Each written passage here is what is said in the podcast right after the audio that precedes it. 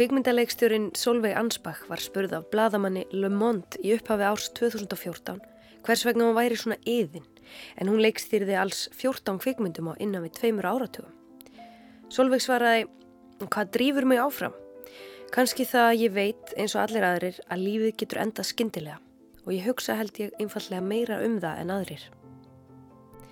Solveig Ansbach var einn afkastamesti leikstjóri íslenskra kvikmyndasögu þegar hún lést aðeins 54 ára gömul í ágúst á þessu ári. Í þessum þætti af þráðum ætlum við að heyra hvernig vinir og samstarfsfélagar lýsa Solvögu. Við byrjum á að slá á þráðin til Míreu Samper sem stödd er í Indonésiu en þær voru góður vinkonur og unnu náðu saman við kvikmundagerð. Hún var samblanda, hún var svolítið marg þættu karakter raun og veru því hún var samblanda af finnst mér sko svona íslenskri valkyrju og persadömu það voru svo mikið kraftur í henni og voru svo mikið einlægni. Og svo gæti hún verið mjög miklu svona fínlegri heldur en íslendingar í allir svona öllum samskiptum og öllum öllum uh, já þess að þegar maður er að vinna og svona fólk sem maður er að vinna með. Og ég, en svo, en, en svo var hann kannski meira við vinið sína ósalega mikil mikil velkýrja sko, þá saði bara allt sem henni fannst og, og skipti að öllu og hafði áhuga á öllu sem allir voru að gera og, og, og alltaf til ég að hjálpa en svo kom hinn liðin upp á henni þegar hún var í kannski að vinna. Þá var hún, þá var hún miklu svona já svona fínlegri í samskiptum. Góðu við alla, vildu allum vel ofslega mikil mannvinnur hafði mikinn áhuga á fólki líka og, og hún og mikið myndanumennar hef ekki bara allar, ég hef bara ekki búin að rannsaka en svona fljótubræði er allar um fólk. Hún var svona mikið hún var, já, hún var svona ofslega stórt hjarta og ofslega örlátt á sig og það sem hún hafiði fram að færa. Uh, þegar, sko, þegar ég horfi yfir, yfir þetta svona aft, eftir á þá er svona einhver samantækt um það þá myndi ég eiginlega bara segja að það var sko manneskjan sem hún er að fjallum og hún er svona hún var svolítið uppröstna gett líka sko hún svo lög að svona móti, gekka móti strömmnum það er fyrstu heimildamindin hennar. Það er voru um eins og allir með einn sem heit Sandrina Parry sem er svona um stelpu sem er pickpocket eða vasaþjófur. Lifir á því að stela af fólki í, í hérna, metro og, og líka í, inn í búðum og svona. Og, og að líka bara þjófur almennt þessi stelpa. En, en Solveig vildi gera mynd um hana til að sína hérna hliðina á þessu sem við uh, lítum niður á eða tölum ítla um og erum á móti. Sama gerði hún síðan hún gerði líka hérna, heimildamindum uh, fjó, fjórar konur sem voru bankjaræningar og þær, þær voru búin að ræna nokkra banka þegar þær hérna náðust þessar konur og þær, þær, þetta var í Suðufraklandi og þær klættist alltaf upp eins og kallmenn þannig að það náðust aldrei eða allavega annan lengi sko. Og, og Solveig langaði sérst, vildi sína hérna hliðin á, á, á þessu, þessu þessari uppreist líka sérst. Þessi uppreysna gyrni sko, hún, hún blunda alltaf í henni. Hún, og, og kom sér líka fram í, í, í leiknumyndunum hennar fyrst og svo gerur hún líka þarna heimildumynd um, um döðarefsingu þess að stóm á manni sem átt að vera döðarefsingu og hann uh, það, er, það var ekki alveg 100% tali það var ekki 100% þannig að hann væri, hann væri hérna segur, þetta var í Texas um það leiti sem var að vera kjósa bús það er bara rétt, já, bara á þessam tíma. Og, og þetta var mjög umdilt og, og hún fór og, og gerði heimildamönd um þetta og hún trúi því allan tíman að maður er saklaus. Og En, en, og vildi sína sagt, uh, bæði ós, ósangirni eða órettlæti og líka að það væri fallega manneskja þarna bakvið þess, þessa sögu, bakvið þess harmleik. Uh, hún, fór til, hún fór til Serbíu á, á sínum tíma þegar stríð, stríðin voru í, hérna á, á Jugosláfi Londonum í 95 þá fór hún hérna þangað að gera heimildamind og hún var sko ólétt þá en hún leti sér ekkert stoppa sig. Hún fór bara ólétt þarna nýrtir bara mjög slemt ástandana það var svo slemt að það þurfti síðan að hún bjargani eða þú veist, veist að hjálpa henni yfir að fjallgarða og fjalla ég veit ekki hvað hvað til að smiklin út úr landinu aftur. Þá lág, lág það svo mikið neyri fyrir henni að koma sagt, uh, sjónamiði þessara kvenna sem eru uh, voru fornalömbi í þessu stríði þannig í Serbíu á þessum tíma.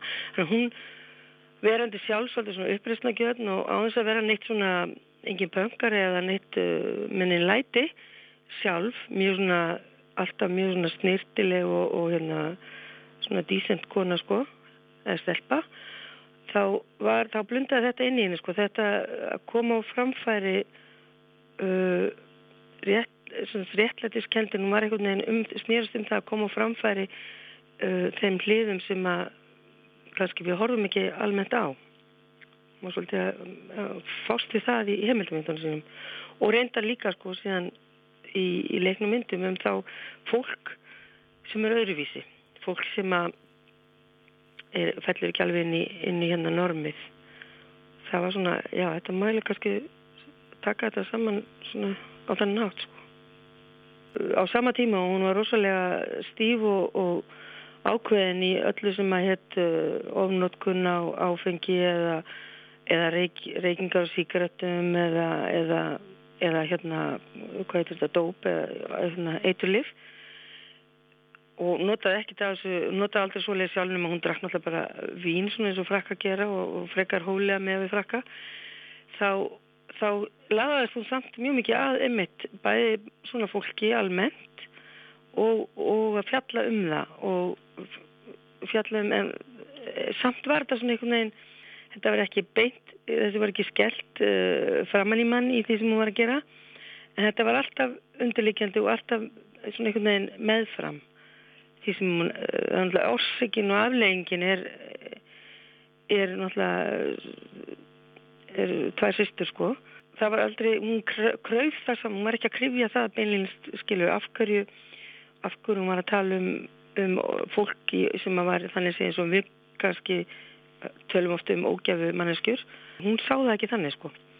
Hún, ég held að hún hafi séð þetta bara uh, hún vildi, hún vildi tala máli þeirra sem að kannski aðri tala ekki, eitthvað svo les svo var hún svo góð. Hún var svo góð hjörtu líka sko. Hún var svo ofslega góð manneskja uh, þó hún var ekki neinn svona útöpju manneskja sem að trúða á allt er gott ef hún myndi tala um það þá myndi það breyta einhverju. Hún var ekki þannig sko, hún var ekki að breytika eða, eða neitt svolítið hún var bara sjálf með, með svo stórt og gott hjarta og, að, og mikla trú á manneskuna og mikla trú á bara lífið en það er það með ólíkjendum hvernig hún barðist fyrir sinu lífi. Hún er, er alltaf að, að, að velta þessu upp að hvað lífið er meðmlandi og, og af hverju eru einhverju aðrir minna virði þóttu þessu að gera eitthvað sem að veist, samfélagið samþykir ekki. Skaldkonan Ditta fór með aðalutverk í fjórum kveikmundum solvegar og má segja að myndast það við sterkbönd á milli leikstýrunar og leikonunnar. Við spurðum Mýri út í samstarf Dittu og solvegar. Ég veit ekki alveg hvort ég myndi segja að solvegar hafi dástað Dittu en hún, hún, hún fann í Dittu uh, samljóm í, þessum, í þessari flóru af fólki sem hún hefur verið að fjalla um. Og þegar, hún, þegar við vorum að gera casting fyrir Stormy Weather uh, þá vorum við búin að prófa fullta leikonur, alveg rosalega marga leikonur og, og margar hérna, allar mjög frábæra leikonur og nokkra komið til greina sterklega. Þegar Solveig fóð bara út í út á kaffihús að fá sér kaffi í hátteginu eitthvað og, og lappaði og horfa á dittu og kom tilbaka, ég var ekki með henni, kom tilbaka og sagði mér ég er búin að finna, ég er búin að finna karakterinn okkar. Og ég vissi ekkert um hvernig hún var að tala sko. En svo þegar hún byrjuði að vinna með dittu og byrjuði að kynast dittu þá kemur bara í ljós frábærmanniska og, og hún fyrir að átt að sjá því að það er meiralar þess að hún gerir Stormy Weather þess að ditta leikur þessa, uh, þessa einmannalegu konu sem er að fara frá sínu fjölskyldu að því hún bara meikar þetta ekki. Hún talar ekki við neitt, hún lætt sér hverfa. Og þetta gerir þetta rosalega vel og það er einhver það er einhver, er einhver samljómur hérna á milli dittu þessa karakter líka. Og, og þá þegar þá bara byrjar Solveig að taka ástfóstri við dittu því að það, það gerist eitthvað í þeirra samvinnu og, og uh, þegar það kynnast sem að, uh, að, Solveig tekur alveg inn. Og eftir það þá skrifa hún sagt, uh, þessa þrjár myndi þessa trílógíu. Skrapp út það var bara mynd sem að hún var bara sniðin utanum dittu til þess að uh, vinna með dittu áfram og til þess að uh, halda áfram þessari samfunnu og gera myndir á Íslandi. Hann er langað alltaf að gera myndir á Íslandi líka nefnilega. Svo náttúrulega er þær bara orðnar rosalega goða vinkonur og, og það, það svona, styrkir allt sem þær er að gera því það er, það er engin, þú veist, það er, verið, það er ekkert verið að fela neitt við hver annari og það er bara sagt allt sem maður þarf að segja og það er, og það er alltaf allt, það gekk alltaf allt rosalega vel, alveg óbúslega vel. Það var eitthvað bara held ég sem að, sem að snertist, einhverju strengi sem snertist á milli þeirra sem að, sem að virku, virkaði svona vel. Fyrsta hlutverk dittu í kvikmynd eftir Solveigu var í Stormviðri frá árinu 2003. En eftir það skrifaði Solveig þrjár kvikmyndir þar sem ditta fór með aða hlutverki. Og við skulum heyra stuttbrott úr kvikmyndinni Skrapp út sem var svo fyrsta í þríleiknum. Hér er ditta í hlutverki Önnu Hallgrímsdóttur sem er skáld, uppvaskari og Marjóanna Sölukona sem vil selja viðskiptaveldi sitt og flytja til heitari landa með sinni sína tvo. Í þessu atriði lengur ditta á móti Jörundi Ragnarsinni. Það er nú enginn sterk segur, elskan mín. Æj, æj, æj. Ha, úf. Hver dó hérna inni hjá þér, elsku drengur? Hvaða gamla fantasía er Úf. Nei, ég er hættur. Nú, hvað ert þá bara farin að drekka aftur? Þú veist að eitt útlokar ekkert annað. Nei. Þetta er reiklus bíl frá með deginum í dag, sko. Það er alltaf reykja þegar byrðum að gera það eitthvað annar staðar. Það bara veitir ekkert á að reykja inn í þessum bíla svo ógeðslega lykt, elskar mín. Það er kannski bara sjans á að einhverju vilja koma hérna inn. Margur heldur mig sig. Ha? Svo mikið graslita þér og það ert ekki annað en að lappin í herbyggi þess að allir verið bólu frænur um leið. Já, já, þeir eru ekki að borga fyrir það með það, elskar mín. Ah, djúðis anskotans. Æ, ég getur ekki ekki eitthvað að fara aðeins ræðar, þetta er alveg maður. Finnur hvernig ellin nartaði að helan. Herru, þakkaði bara fyrir að ég sé að gera það greiða þetta. Er ekki enga bílstjóri fyrir þig, sko. Ég er nóg annað að gera. Þú ert alveg átt af. Herru, þetta er ég rata ekki um Reykjavík. Fara tilbaka. Hvort okkur er með bílprófið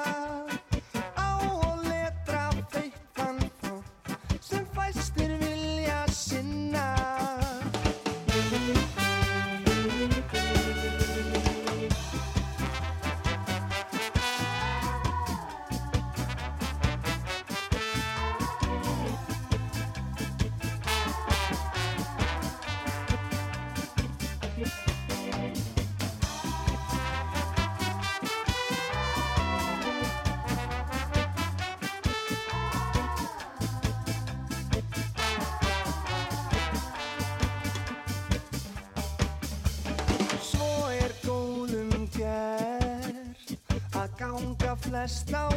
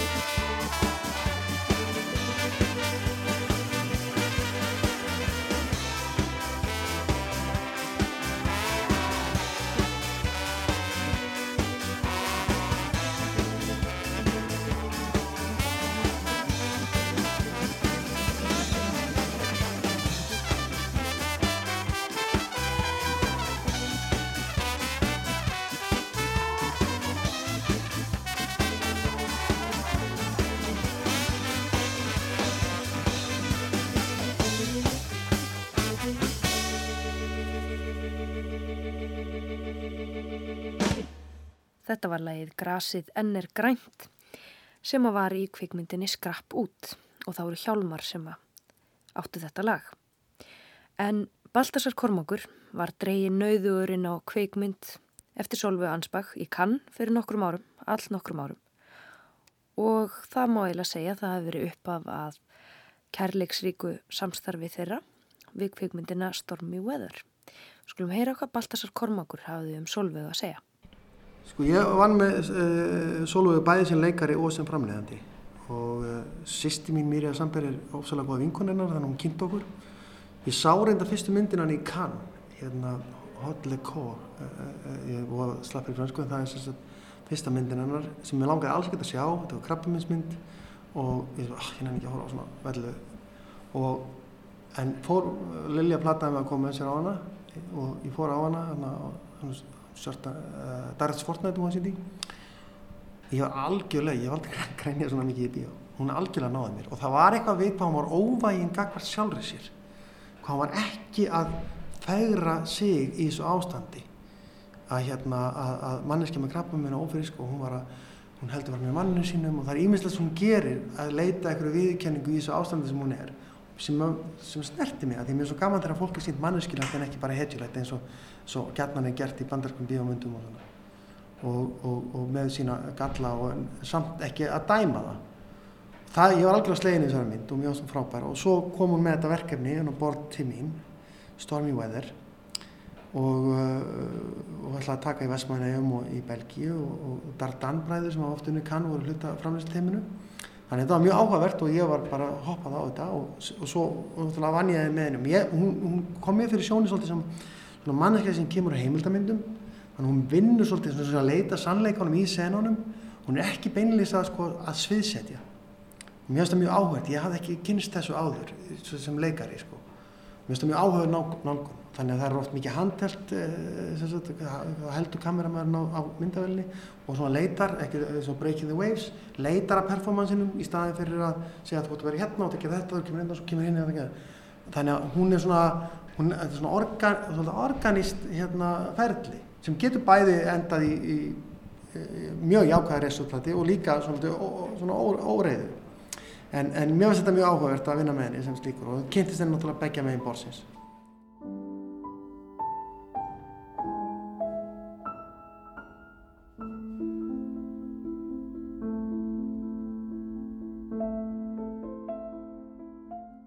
Kvikmyndagerðamaðurinn Ingi Ragnar Ingarsson vann með sólvegu að gerð heimildamindar um málverkafælsunamálið svo kallaða.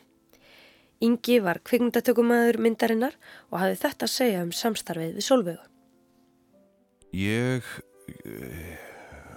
fæla bara símtal frá Míregu Samper uh, sem ég þekkti nú ekki mikið en kannast aðeins við sem að uh, spurði mig hvort að ég væri til í að, að skjóta heimildamind sem að Solveig ætlaði að, að gera um þetta málverkafölsunamál uh, og, og tók þessu náttúrulega fagnandi að við hirt af Solveigu og, og, og fór svo að hitt hana og uh, fannst hún vera með frábæra sín á þetta mál. Ekki svona rannsóknar bladamennsku stíl en svona að leifa málinu að að klekjast út í, í fánanleika sínum sem við fylgdum eftir. Solveig var náttúrulega rosalega næm á, á, á menn og málefni fannst mér. Hún uh, horfiði djúft í augun á öllum viðmælandum með, með hérna dökku möndlu laga augunum og, og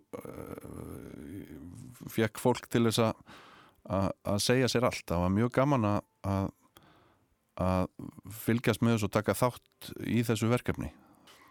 Þannig vorum við að tala við menn sem að voru sagaður um alls konar hluti sagaður um að hafa uh, falsað verk og selt verk sem er vissu að veri fölsu og, og þar fram eftir göttunum og, og vorum að tala við fólk sem að hafiði vissi ekki hvort að verkin upp á vekkja á þeim væru fölsuðið ekki og hálskömmuðu sín fyrir að láta plata sig og því að maður búin að vera í, í þáttagerð og, og, og sjónvarpi í svolítinn tíma hún kom með svona svolítið öðruvísi uh, snertingu á þetta fannst manni. Það var svona dýbra það var, það var svona já, meira lagt í það. Ég held að Solveig hafi viljað gera myndum þetta mála því að uh, sko það er ef þetta hefði gerst í Fraklandi þá hefði þetta ekki verið uh, jafn stort mál og, og miklu erfiðar að ná utanum það heldur en þegar það gerist á, á, í litla Eiríkin okkar. Uh, en ég menna málið er náttúrulega fáranlegt á svo mörgum levelum. Kannski hefur hún viljað fá einhverja lúkningu á það með dómi og svo leiðis en ég held að á einhverjum tímapunkti hafa hún séð bara að þetta er það að spilast áfram í, í fáranleika sínum í raunni ég held að í þessu þessari samfinn okkar hafi Solveig sem leikstjóri sínt, sína sérstöðu í því hvað hún gaf sér góðan tíma og fór, fór djúft í allt. Hún vissi vel hvað hún vildi og, og, og hjælt áfram og, og misti aldrei uh, stefnuna á það sem hún uh, ætlaði sér. Hún var náttúrulega ótrúlega afkastað mikill kvikmyndagerðamaður og hún byrjaði uh, snemma og byrjaði í heimildamindum ekki mikið af þeim myndum hafa verið síndar á Íslandi uh, og þó hún hafi verið ein af okkar helstu kvikmyndagerðarkonum þá veit ég ekki hvort hún uh, var metin að verlegum uh, á meðan á því stóð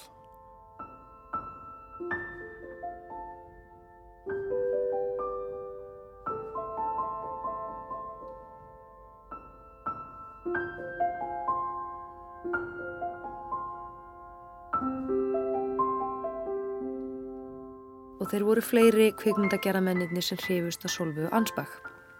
Skúli Malmqvist hjá Siksa kvikmyndum vann með Solvögu alveg fram á síðasta dag.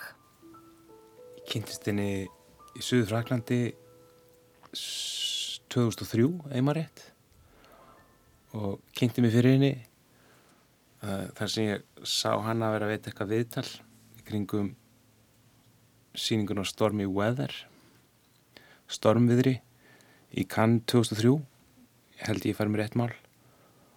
Og, og spjallaði dákvástundu hana. Og eftir það vorum við í reglulegu sambandi. Og svo setna mér var ég svo heppin að fá að vinna með henni. Og hvernig karakter var hún? Svona,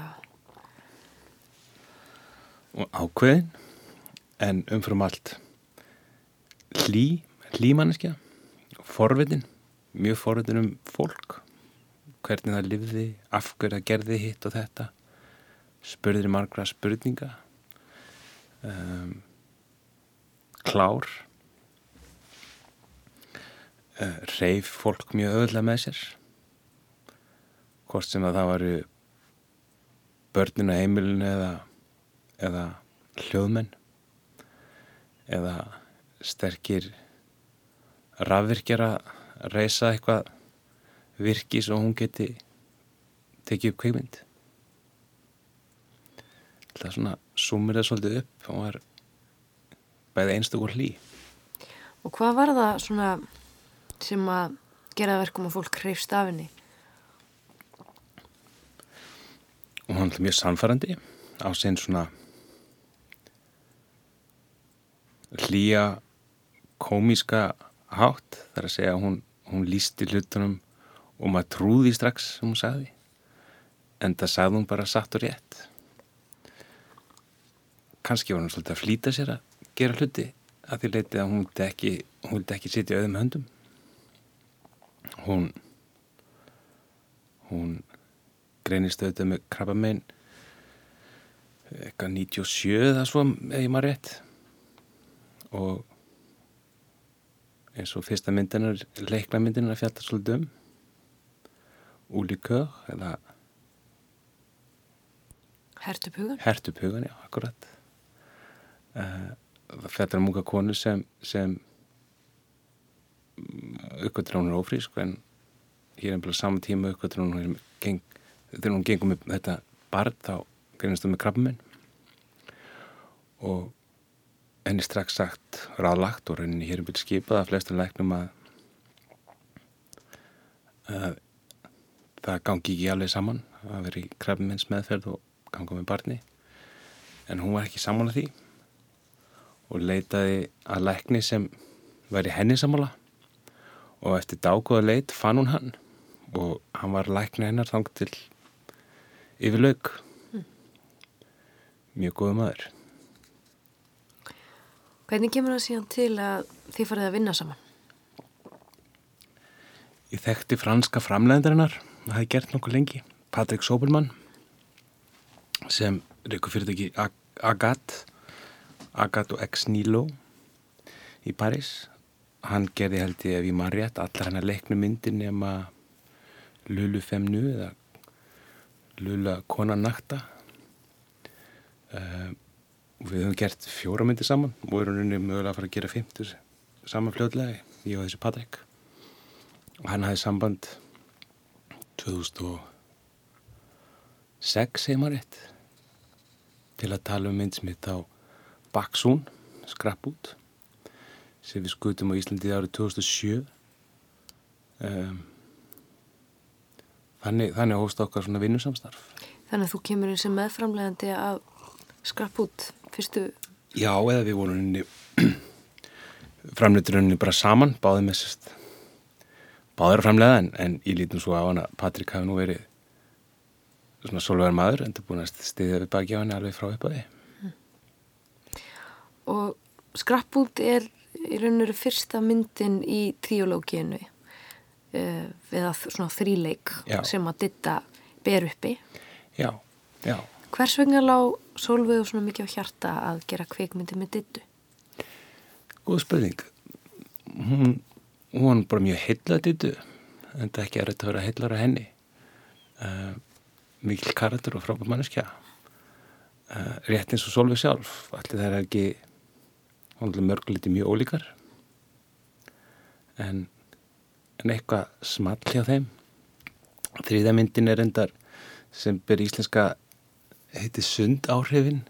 En við vorum eitthvað að hugsa um að breyta titlinum í syndaselur Þetta ringdi mér um dagi með, með þann titil sem hún heyrði frá hann um Haldóri sem það þóttur hans í góð titil en á fransku heiti myndi Leffet Aquatique þar er aðalpersonan manneski sem kemur fyrir í mynd 2 Queen of Montreux og, og þetta er sérst hlýðarkarakter þó mjög mikilvægar karakter í þriðu myndinni.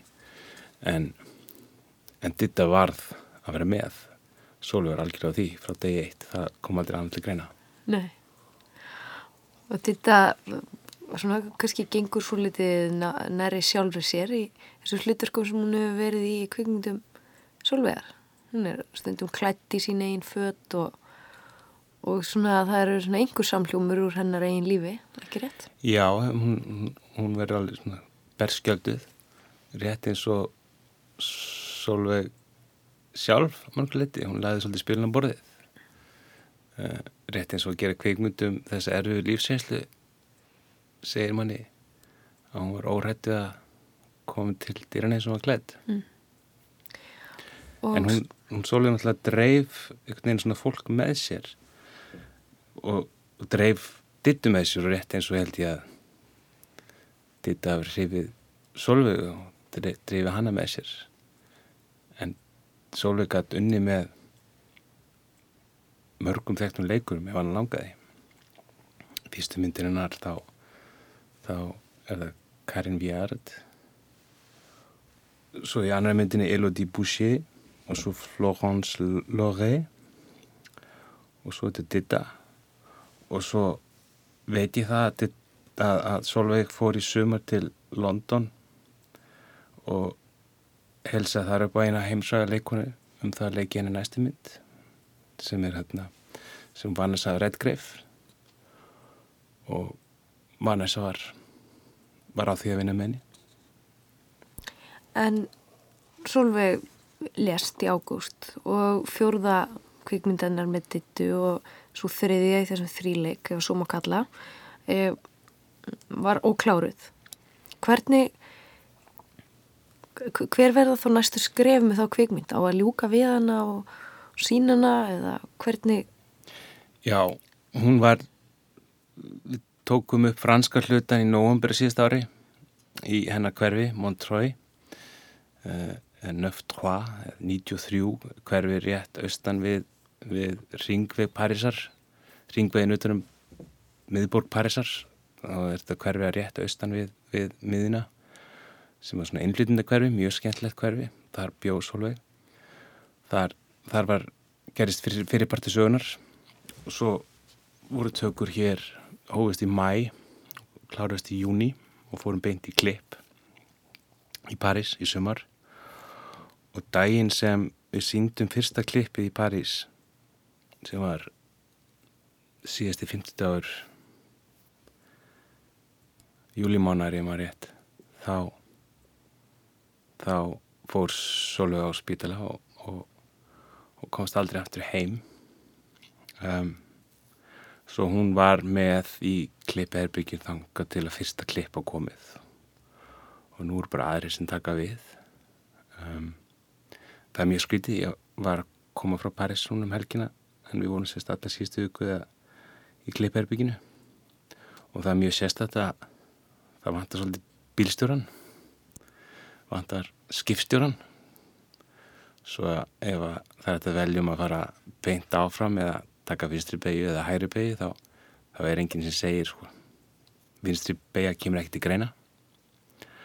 Um, fyrir vikið þá er þetta meira svona samstarf nokkra aðila en það hennu komið ljósa það er alls ekki öðveld svo að hennar er mjög svo sárt saknað þessu dagana en auðvitað ekki bara út af kveikmyndinni heldur bara almennt. En rættuðu við hana um framhaldi á kveikmyndinu hún er vantarlega vitað í hvað stemdi þegar hún var á spítalunum áður en hún lest Já, hún var nú búin að það var erfitt að ræða einhverja mjög nákamatriði en það var svona hún var búin að leggja línunar en það breyti ekki svona fullt af litlum núansum sem er sem á ættir að tækla. Það sem, það sem er erfitt að hafa ekki hana með okkur með okkur uh, en hún var nokkuð veik hann að síðustu vikurnar og og þó það hress að, að, hún fekk leifa spítarinn til að fara í sumarleifi er rétt eins og allir, allir frakka taka sumarleifi þetta mjög alvarlega og Já. svo að hún var fekk sumarleifi frá spítarannum og sjúkabíl sem keirði hann til Suðu Fraklands og hún kom þangað á miðgutaskvöldi eða fimmtudagskvöldi. Borðaði þar það var hjá ömmu Klöru, dóttirinnar Ann-Marie heitir hún býr í mjög fallegu húsi í Ladróm og hún kom þangað fimmtudagskvöldi og, og borðaði kvöldmatt á svona fyrir framann húsi utundira og horfði á all, landslæðið sem var uh, kuttfallegt og hún var svo glöð um ég sagt og svo fyrir hún að sofa og vakna morgunin eftir borðaði á morgumatt og aftur auðvitað dyra með einu sínum. Svo kemur hjúkurinn á kona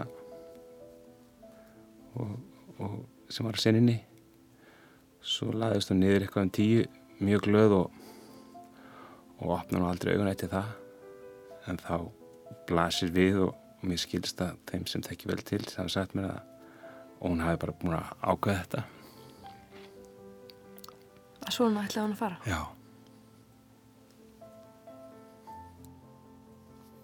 Það er eins og hún hafi ekki bara verið leikstjóri kvikmynda. Ymmit það er nokkuð sem sögðu það hún er á lífinu líka en hún ætla var það var búin að eins og einhver, eins, eins og góð vingun okkar sagði, Diana Elbam hún sagði hún, hún tapaði stríðinu sem varði í harnar 20 ára en, en sigraði ófá bardagana á þeim tíma. Mér finnst það eiga nokkuð vel við. Við skulum láta þetta verða loka orðin í þessum þætti um Solveig Hansbach. Og skúli takk kærlega fyrir komuna. Takk sem leiðis